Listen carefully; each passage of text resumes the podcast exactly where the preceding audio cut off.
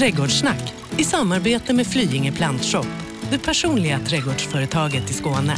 Ja, då är vi tillbaka i trädgården. Vad gör du nu för tiden och varför hör du aldrig av dig? Annika Sjölin från Flyinge Plantshop. Jag har visst hört av mig. Ja, du, du har, vi har haft en liten konstig förhållande jag och Annika nu de senaste månaderna. Annika har ringt mig och trott att det varit någon annan. Så kallad fickringning kan man väl kalla det på något vis. Det är jag rätt bra på att inte förstå mig på teknik, så att du får ursäkta.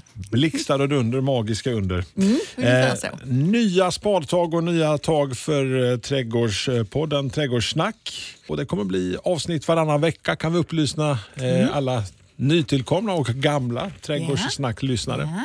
Så det är lite tema varje vecka och d- den här veckan då är vi ju i uppstarten av växtsäsongen på något vis. Ja. Berätta, vad ska vi göra idag? Vi ska prata mycket om jord. Alltså Ja. Det är ju där allting börjar Ja, det är och slutar ibland.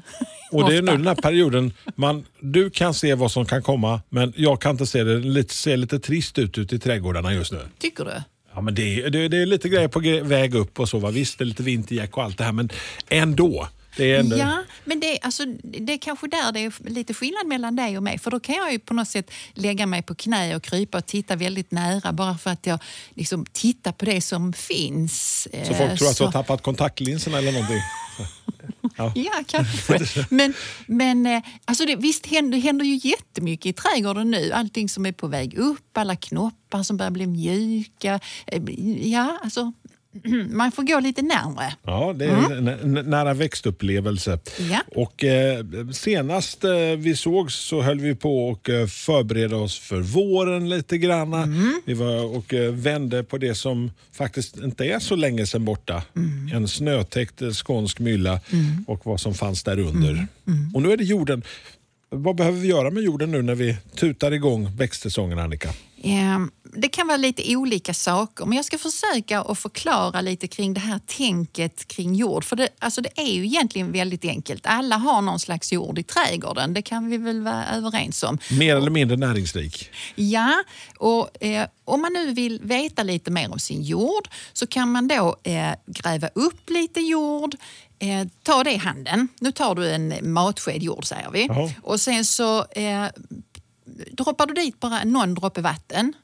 Mm, och sen så kan man försöka rulla det här då som man nu har i handen som blir lite geggamoja eller så blir det inte det och faller sönder helt och då kanske det blir bara små, små sandkorn av detta då.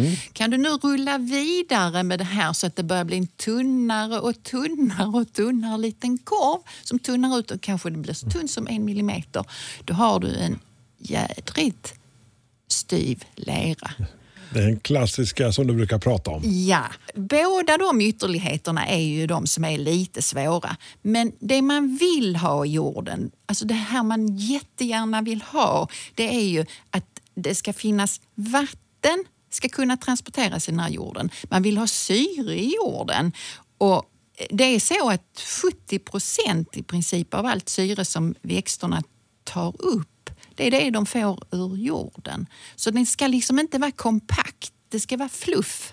Mycket, Så att mycket- dagmaskarna kan ta sig igenom. Ja, ja. Och sen så vill man ju helst ha näring i jorden då. Så drömmen är ju då en lucker, fuktighetshållande, väldränerad jord. Låter det som det är möjligt i din trädgård? Har låter- du det? Nej, det kan väl inte säga. Delar är det nog. En del är nog rätt så sum, sumpigt måste jag säga. Lite, lite delar är nog fortfarande lite rejält med lera. Andra delar Mm. är lite mer torrare. Ja, ja. Och, och då är det ju, alltså nu gör vi det här väldigt enkelt då. Eh, så om man nu har en jättebra jord, du ligger där i mellanläget, Så, så behöver du sannolikt inte göra så där fantastiskt mycket nu på, på eh, våren om ens sen vad det gäller strukturen på jorden. Alltså det här hur den känns när du tar, i handen, du tar den i handen, inte tar i handen utan ja, du förstår vad jag menar. Men nu vill vi då ha till de här besvärliga jordarna. Den jättesandiga jorden och den som är väldigt tung. Den kompakta kalla lerjorden. Ja. Då, det man vill ha till det är mer mullämnen i den här jorden. Det är alltså dött växtmaterial. Okej. Och då säger ju det sig kanske själv då att har man en kompost till exempel, Ja. har du det? Nej, men min saliga far hade en kompost som Ja. han bad mig att gå och vända. Så där, Ja. Det är dags att vända Hans. Så fick Ja. jag gå ut med en stor dyngrep där och så vända igenom och jobba igenom den. Ja. Det är ett jättebra jobb att göra. Så alla de som nu har en kompost, då kan man ju först och främst använda den då. Och det man gör när man liksom vänder ner eh, förmultnade växtdelar i jorden, det är ju att gynna alla de här markarbetarna. Så att de kommer igång och vaknar till liv där nere. Ja, alltså de här med de fantastiska namnen liksom som hoppstjärtar och klokrypare och eh, det finns kvalster också och så självklart maskar och annat. Och sen en mängd mikroorganismer, alltså ja, bakterier, svampar. Vi har sådana i Burlövs kommun också, sådana knep, knepiga typer som springer omkring och heter just det där du sa.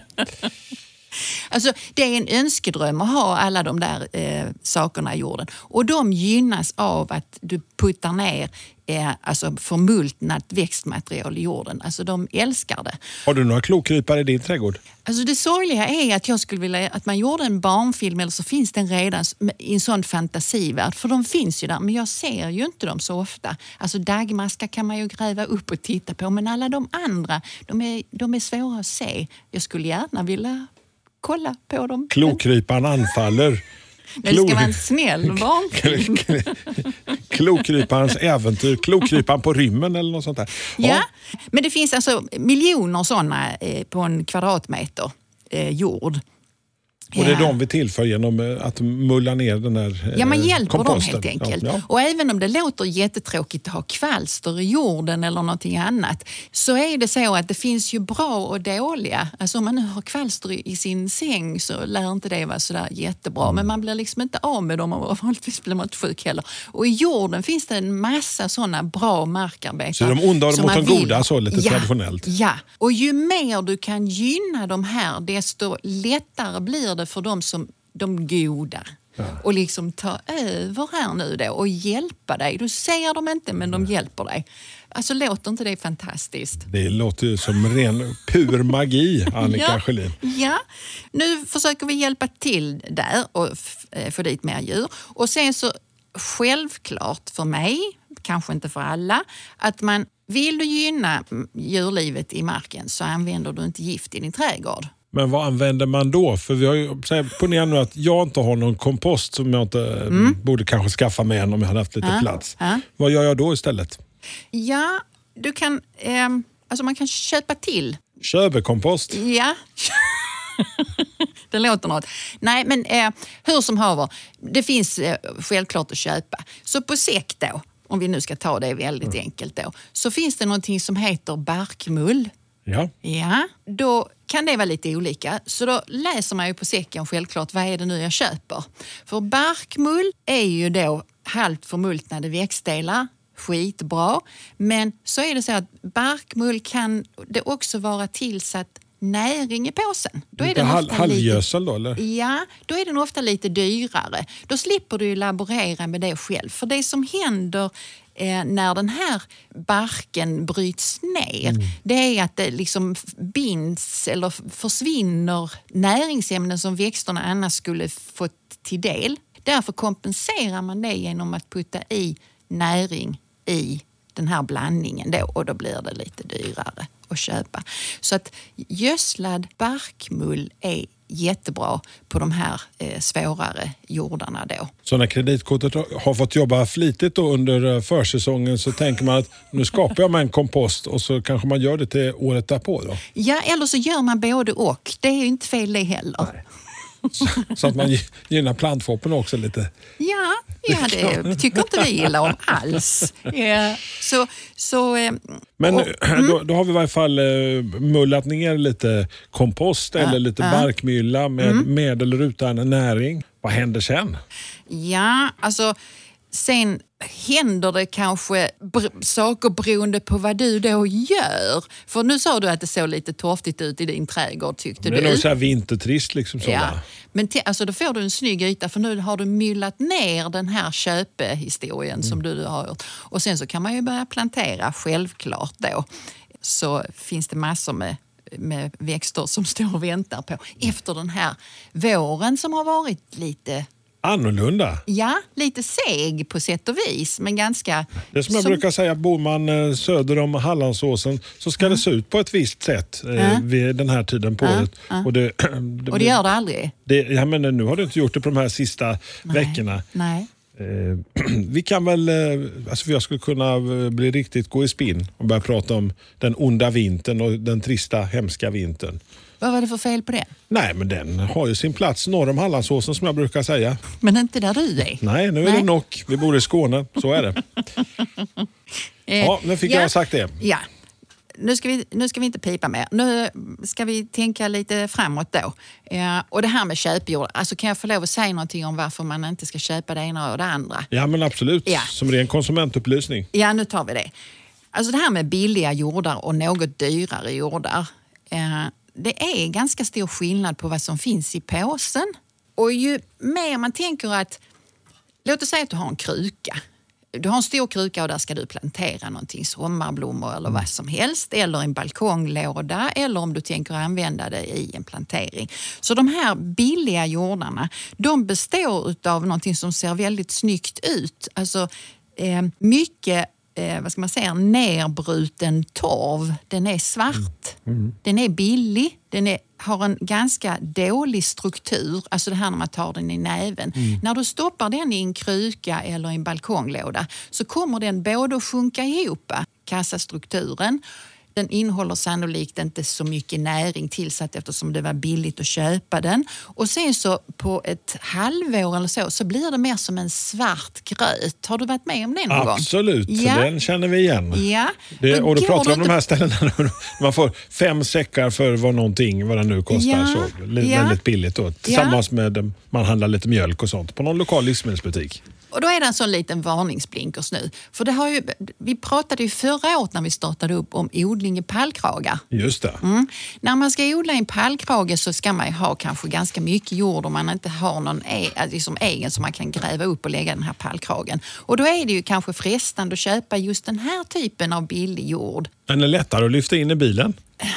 Jag vet inte om den är ens det. Men alltså det är inte alltid ett bra alternativ att bara bygga med sån jord. För den sjunker ihop och så ligger det liksom som pyttelite nere i botten på pallkragen sen. Så satsa där på en bra struktur. Alltså det, man har igen det i andra ändan. Så det är egentligen kvalitet istället för kvantitet. Det är som att Ja. jämföra ett eh, årgångsvin med en bag-in-box ungefär.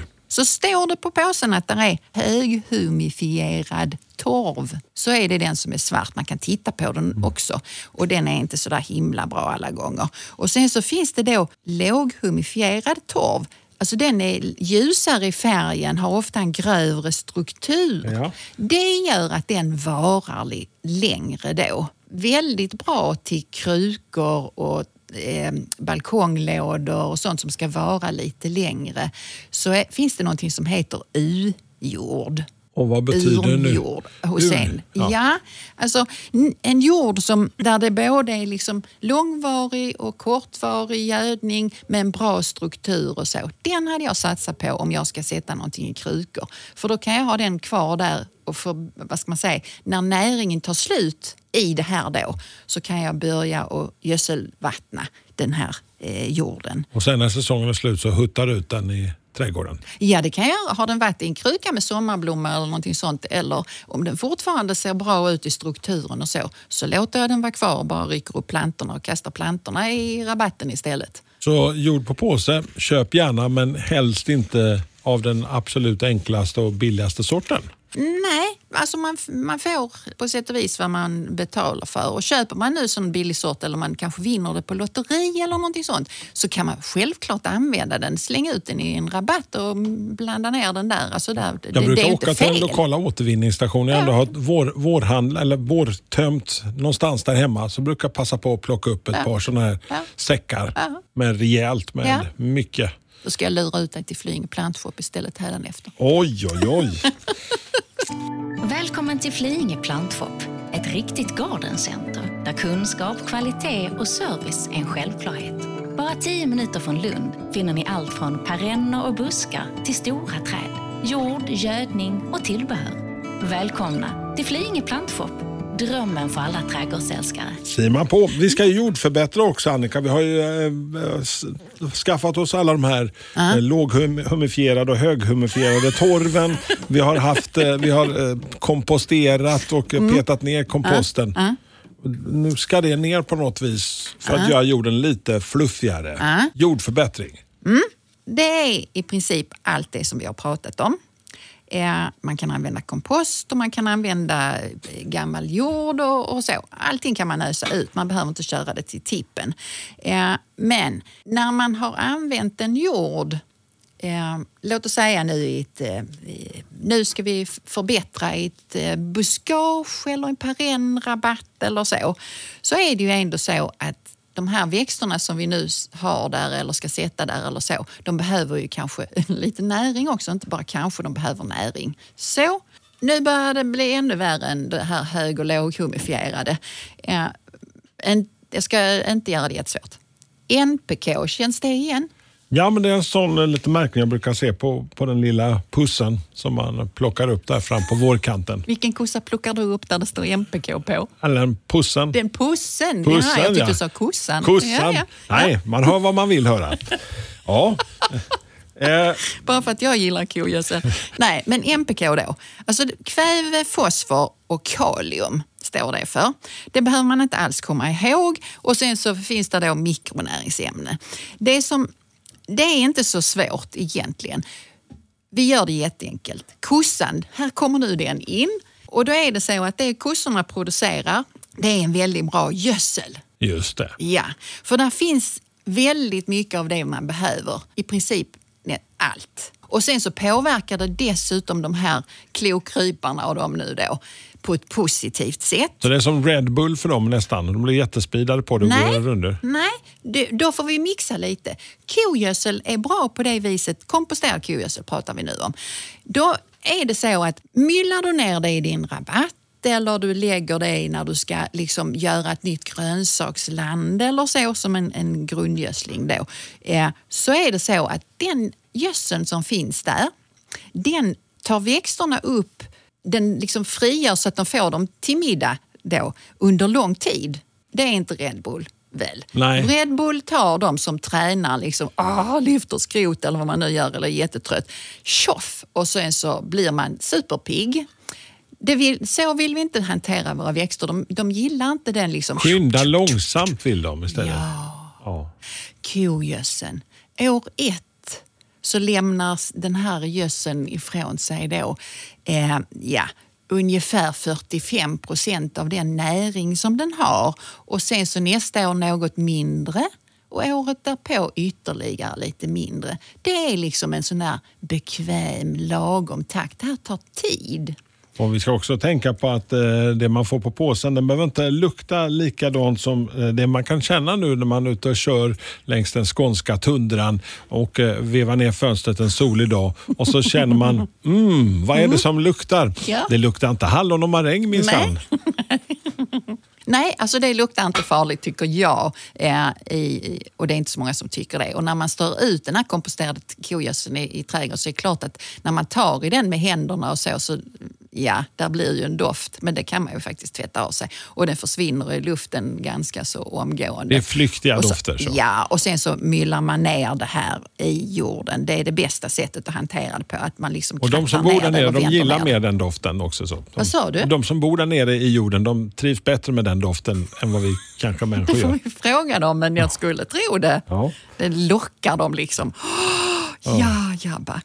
Och då, då är det så att nu, nu är det ju faktiskt några som behöver lite Red Bull då. Jaha. Och Men- vilka, är det? Då är du försiktig nu. Ja. När det är i kogödsel så har man ibland blandat i lite sån här hönsgödsel också.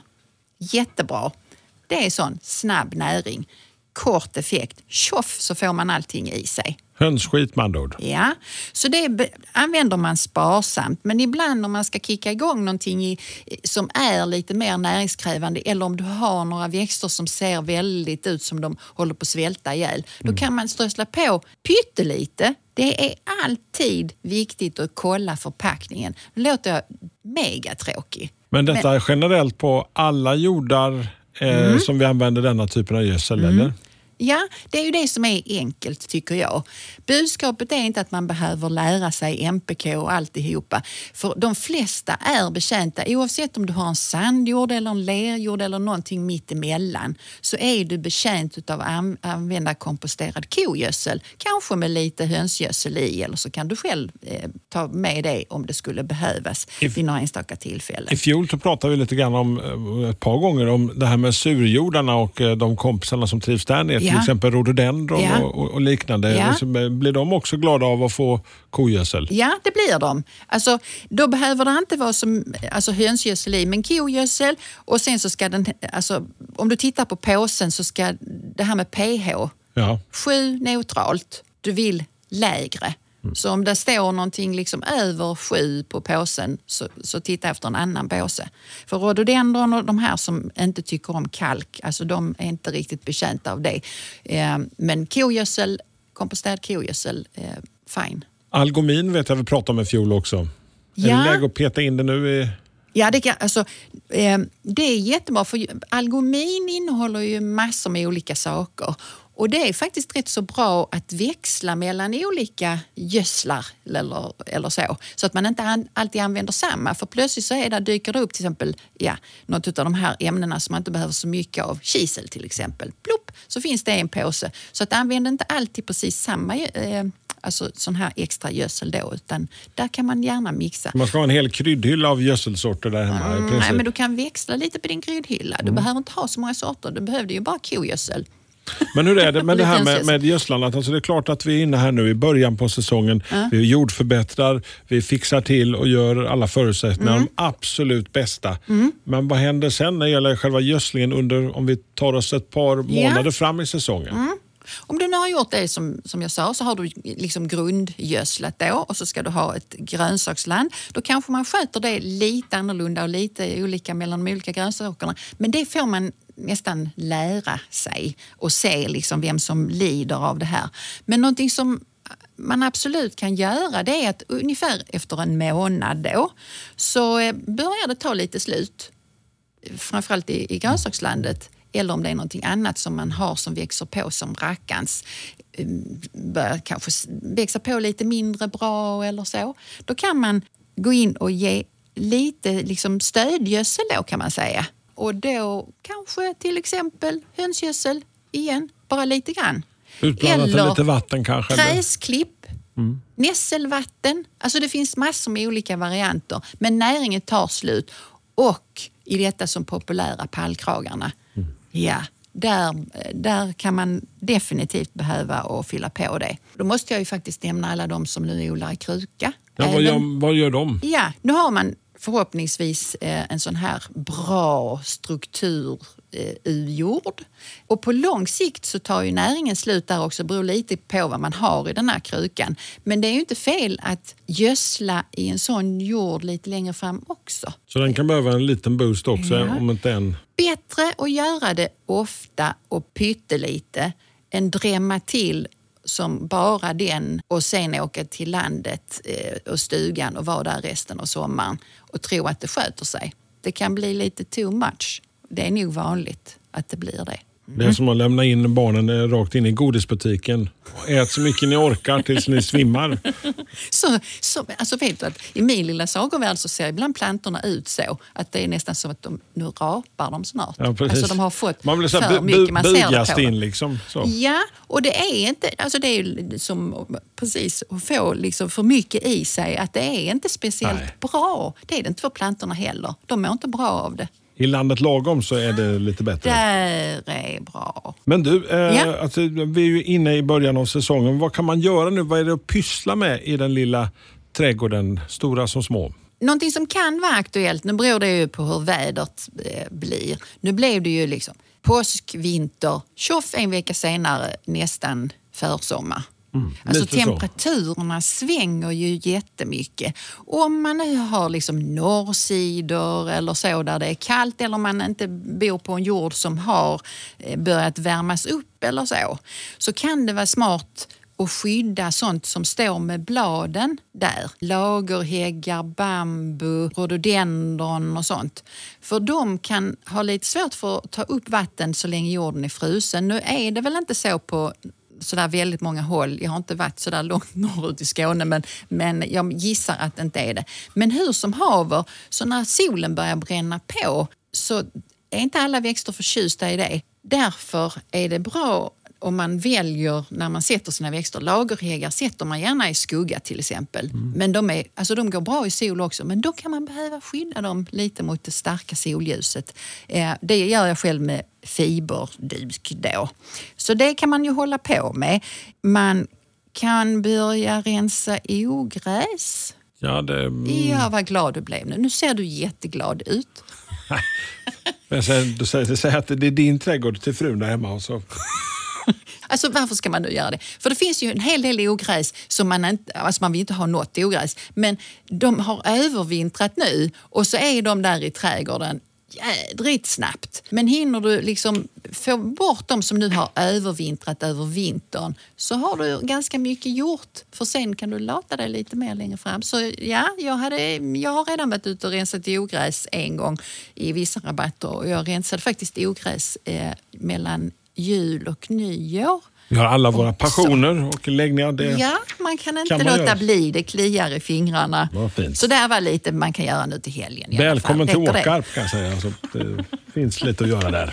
Men du, eh, rensa ja. ogräs. Eh, annat så här med eh, kalkning brukar man ju göra delar av säsongen. Mm -hmm. Inte nu inte? Ja, alltså, jo, men så här. Kalka, ja, om det behövs. Och det är inte ofta det behövs. Och jag tror att myten om att om man öser ut kalk så får man ingen mossa i gräsmattan. Det är inte riktigt så. Utan det man kan göra för att gynna gräset är kanske att göda det lite mer och klippa det när det ska och vattna det och lite så. Eh, för att det ska bli bättre. Så att kalkning hmm, kan behövas men det är ganska så eh, sällan som om man bara liksom öser ut kalk. För det här med näringsämnen i jorden och att växterna ska kunna ta det till sig, det har med balans att göra. Och öser du på mycket kalk, eller för mycket kalk kan man säga, så gör du kanske mer skada än nytta. Alltså, um, gräsmattan nämner du där. Vad, vad, eh, vad ska jag göra med gräsmattan nu som ser lite sådär, den har inte kommit Nej. riktigt fått någon färg och den har Nej. vaknat till liv efter Nej. snötäcket? Alltså det, där är mycket som kommer igång när när jordtemperaturen stiger, alltså när det börjar växa, då kan man ut och gödsla. Om man gödslar väldigt tidigt eller gör saker tidigt, då rinner det liksom bara genom jorden. Så du får väl titta lite. Du kan stå på kanten av gräsmattan, för de som är på sin gräsmatta, de går inte på sin gräsmatta på vintern. Inte det är en slityta säger jag. Det säger jag också. För mig är det mer en, en mullvadsyta än någonting annat. Så att eh, vi ger oss till tåls med den ja. lilla gräsmattan ja. Ja. och eh, har lite tålamod och låter det bli lite varmare. Vi har ju haft eh, en programpunkt där vi hade lyssnarnas eh, och eh, frågor. Men nu har vi paprapam, veckans växtporträtt. Oh.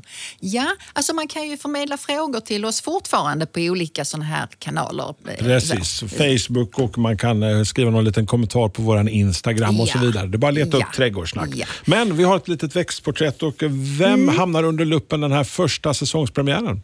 Jo, jag ska försöka att berätta om lite sånt som blommar. Jag pratar inte så mycket om blomning. Det är inte din grej riktigt heller. Nej, jag det är ett bonus. Ja, ja, nu sa du det förlösande ordet. Men nu ska jag försöka här under säsongen och, och berätta om sånt som, som blommar ungefär i det häradet eh, i den, liksom, när programmet är. För nu ja. sänder vi var fjortonde dag då. Eh, så den första här tänkte jag att ta ett eh, vårolvon. Viburnum. Oh, den var ju med förra säsongen vid flera tillfällen. Flera olika olvon. Det finns jättemånga olika olvon. Och vårolvonet, en eh, typ woodlandväxt, Gärna där det är lite sånt som skuggar den och så. Den har en tidig blomning och den doftar fantastiskt. Det är många andra olvon som gör det också men just det här lilla vårolvonet eh, har jag blivit extra förtjust i. Den kan dessutom eh, få lite höstfärg inte alla år, men ibland. Så den har många plus kan man lugnt påstå. Så därför kommer den med här. En rundad buske, lövfällande. Hur stor blir den? Sådär en, två meter. Och, det, och då kan jag ju ändå berätta om eh, att den inte behöver beskäras så mycket. Eller nästan tvärtom. Den var bäst att bara få bre ut ja, sig. Ja.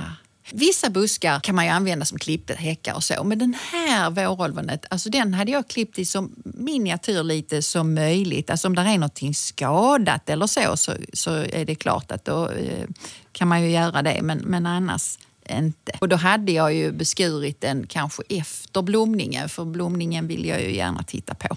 Och sen eh, det eventuellt döda så har jag ju redan tagit bort tidigare. Och den här, det här vårolvonet då som jag sa, typ woodland då. Och då, om man nu tänker sig in i att man är ett litet vårolvon och så ska man bo någonstans och så vill man ha lite grannar då. Då väljer jag ju självklart utifrån hur den här, hur olvonet vill stå. Så då har det lite så mitt på dagen skugga och så får den till sällskap snödroppar. De klassiska snödropparna, Ja. vårtecknet nummer ett. Precis. Då hinner de ju liksom igång innan det händer någonting med den här eh, vårolvonet då. Och sen så planterar ju det i, senare i sensommar, tidig höst. Men det du kan göra nu är att plantera lite hostor. Det finns en hosta som heter Francie som har lite vit kant eh, som skulle kunna bo i samma miljö. Och sen så ett litet fänrikshjärta. Och så får du lägga aurora på minnet. Oh. Så romantiskt. Ja, var det inte? Och lilla Aurora hon är vit Det låter som. Elvira Madigan nästan eller något sånt där. Ja. Om man nu vill skapa en sån miljö kring det här vårolvonet, då behöver vi inte ha en jättestor trädgård för att få till det. Men har man lite mitt på dagen skugga och sen så att du plussar på med någonting som också ger det här woodland skogsintrycket. Så en liten stig med täckbark, alltså det här behöver inte vara mer än 4-5 kvadratmeter stort för att du ska kunna få till en miljö som ser lite så skogig ut. Och du behöver inte beskära särskilt mycket och du behöver kanske inte ens rensa så mycket ogräs. Och det jag definitivt hade gjort för att bidra till det här skogiga, det är att inte ta bort några löv på hösten utan gynna Den där blir den fuktiga skogsdoften Ja, och klokryparna ska ha någonting att äta. Såklart. Nu var vi tillbaka till klokryparna. Så att, eh, ja, Du har någon fäbless från de där klokryparna. Ja. Jag tycker det är ett underbart namn. Klokrypare. Vad ska du bli i nästa liv? Jag ska bli klokrypare. Härligt. Du, eh, nästa gång så har väl förhoppningsvis solen hunnit värma på lite granna. Inga bakslag mer. Eh, Och vad gör vi nästa gång vi träffs, Annika? Ja, då sår vi ett frö.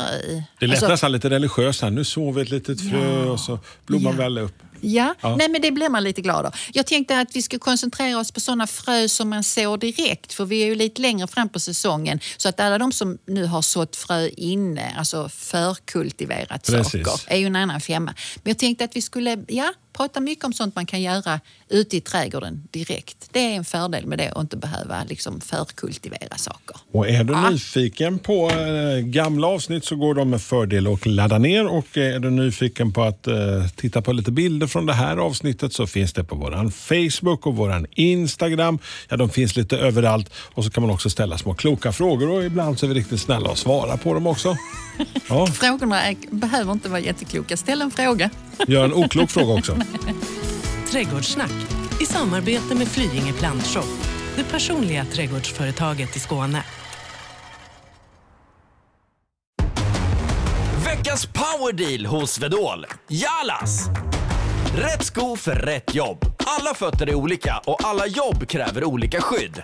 Jalas har skyddsskorna för dig och ditt jobb.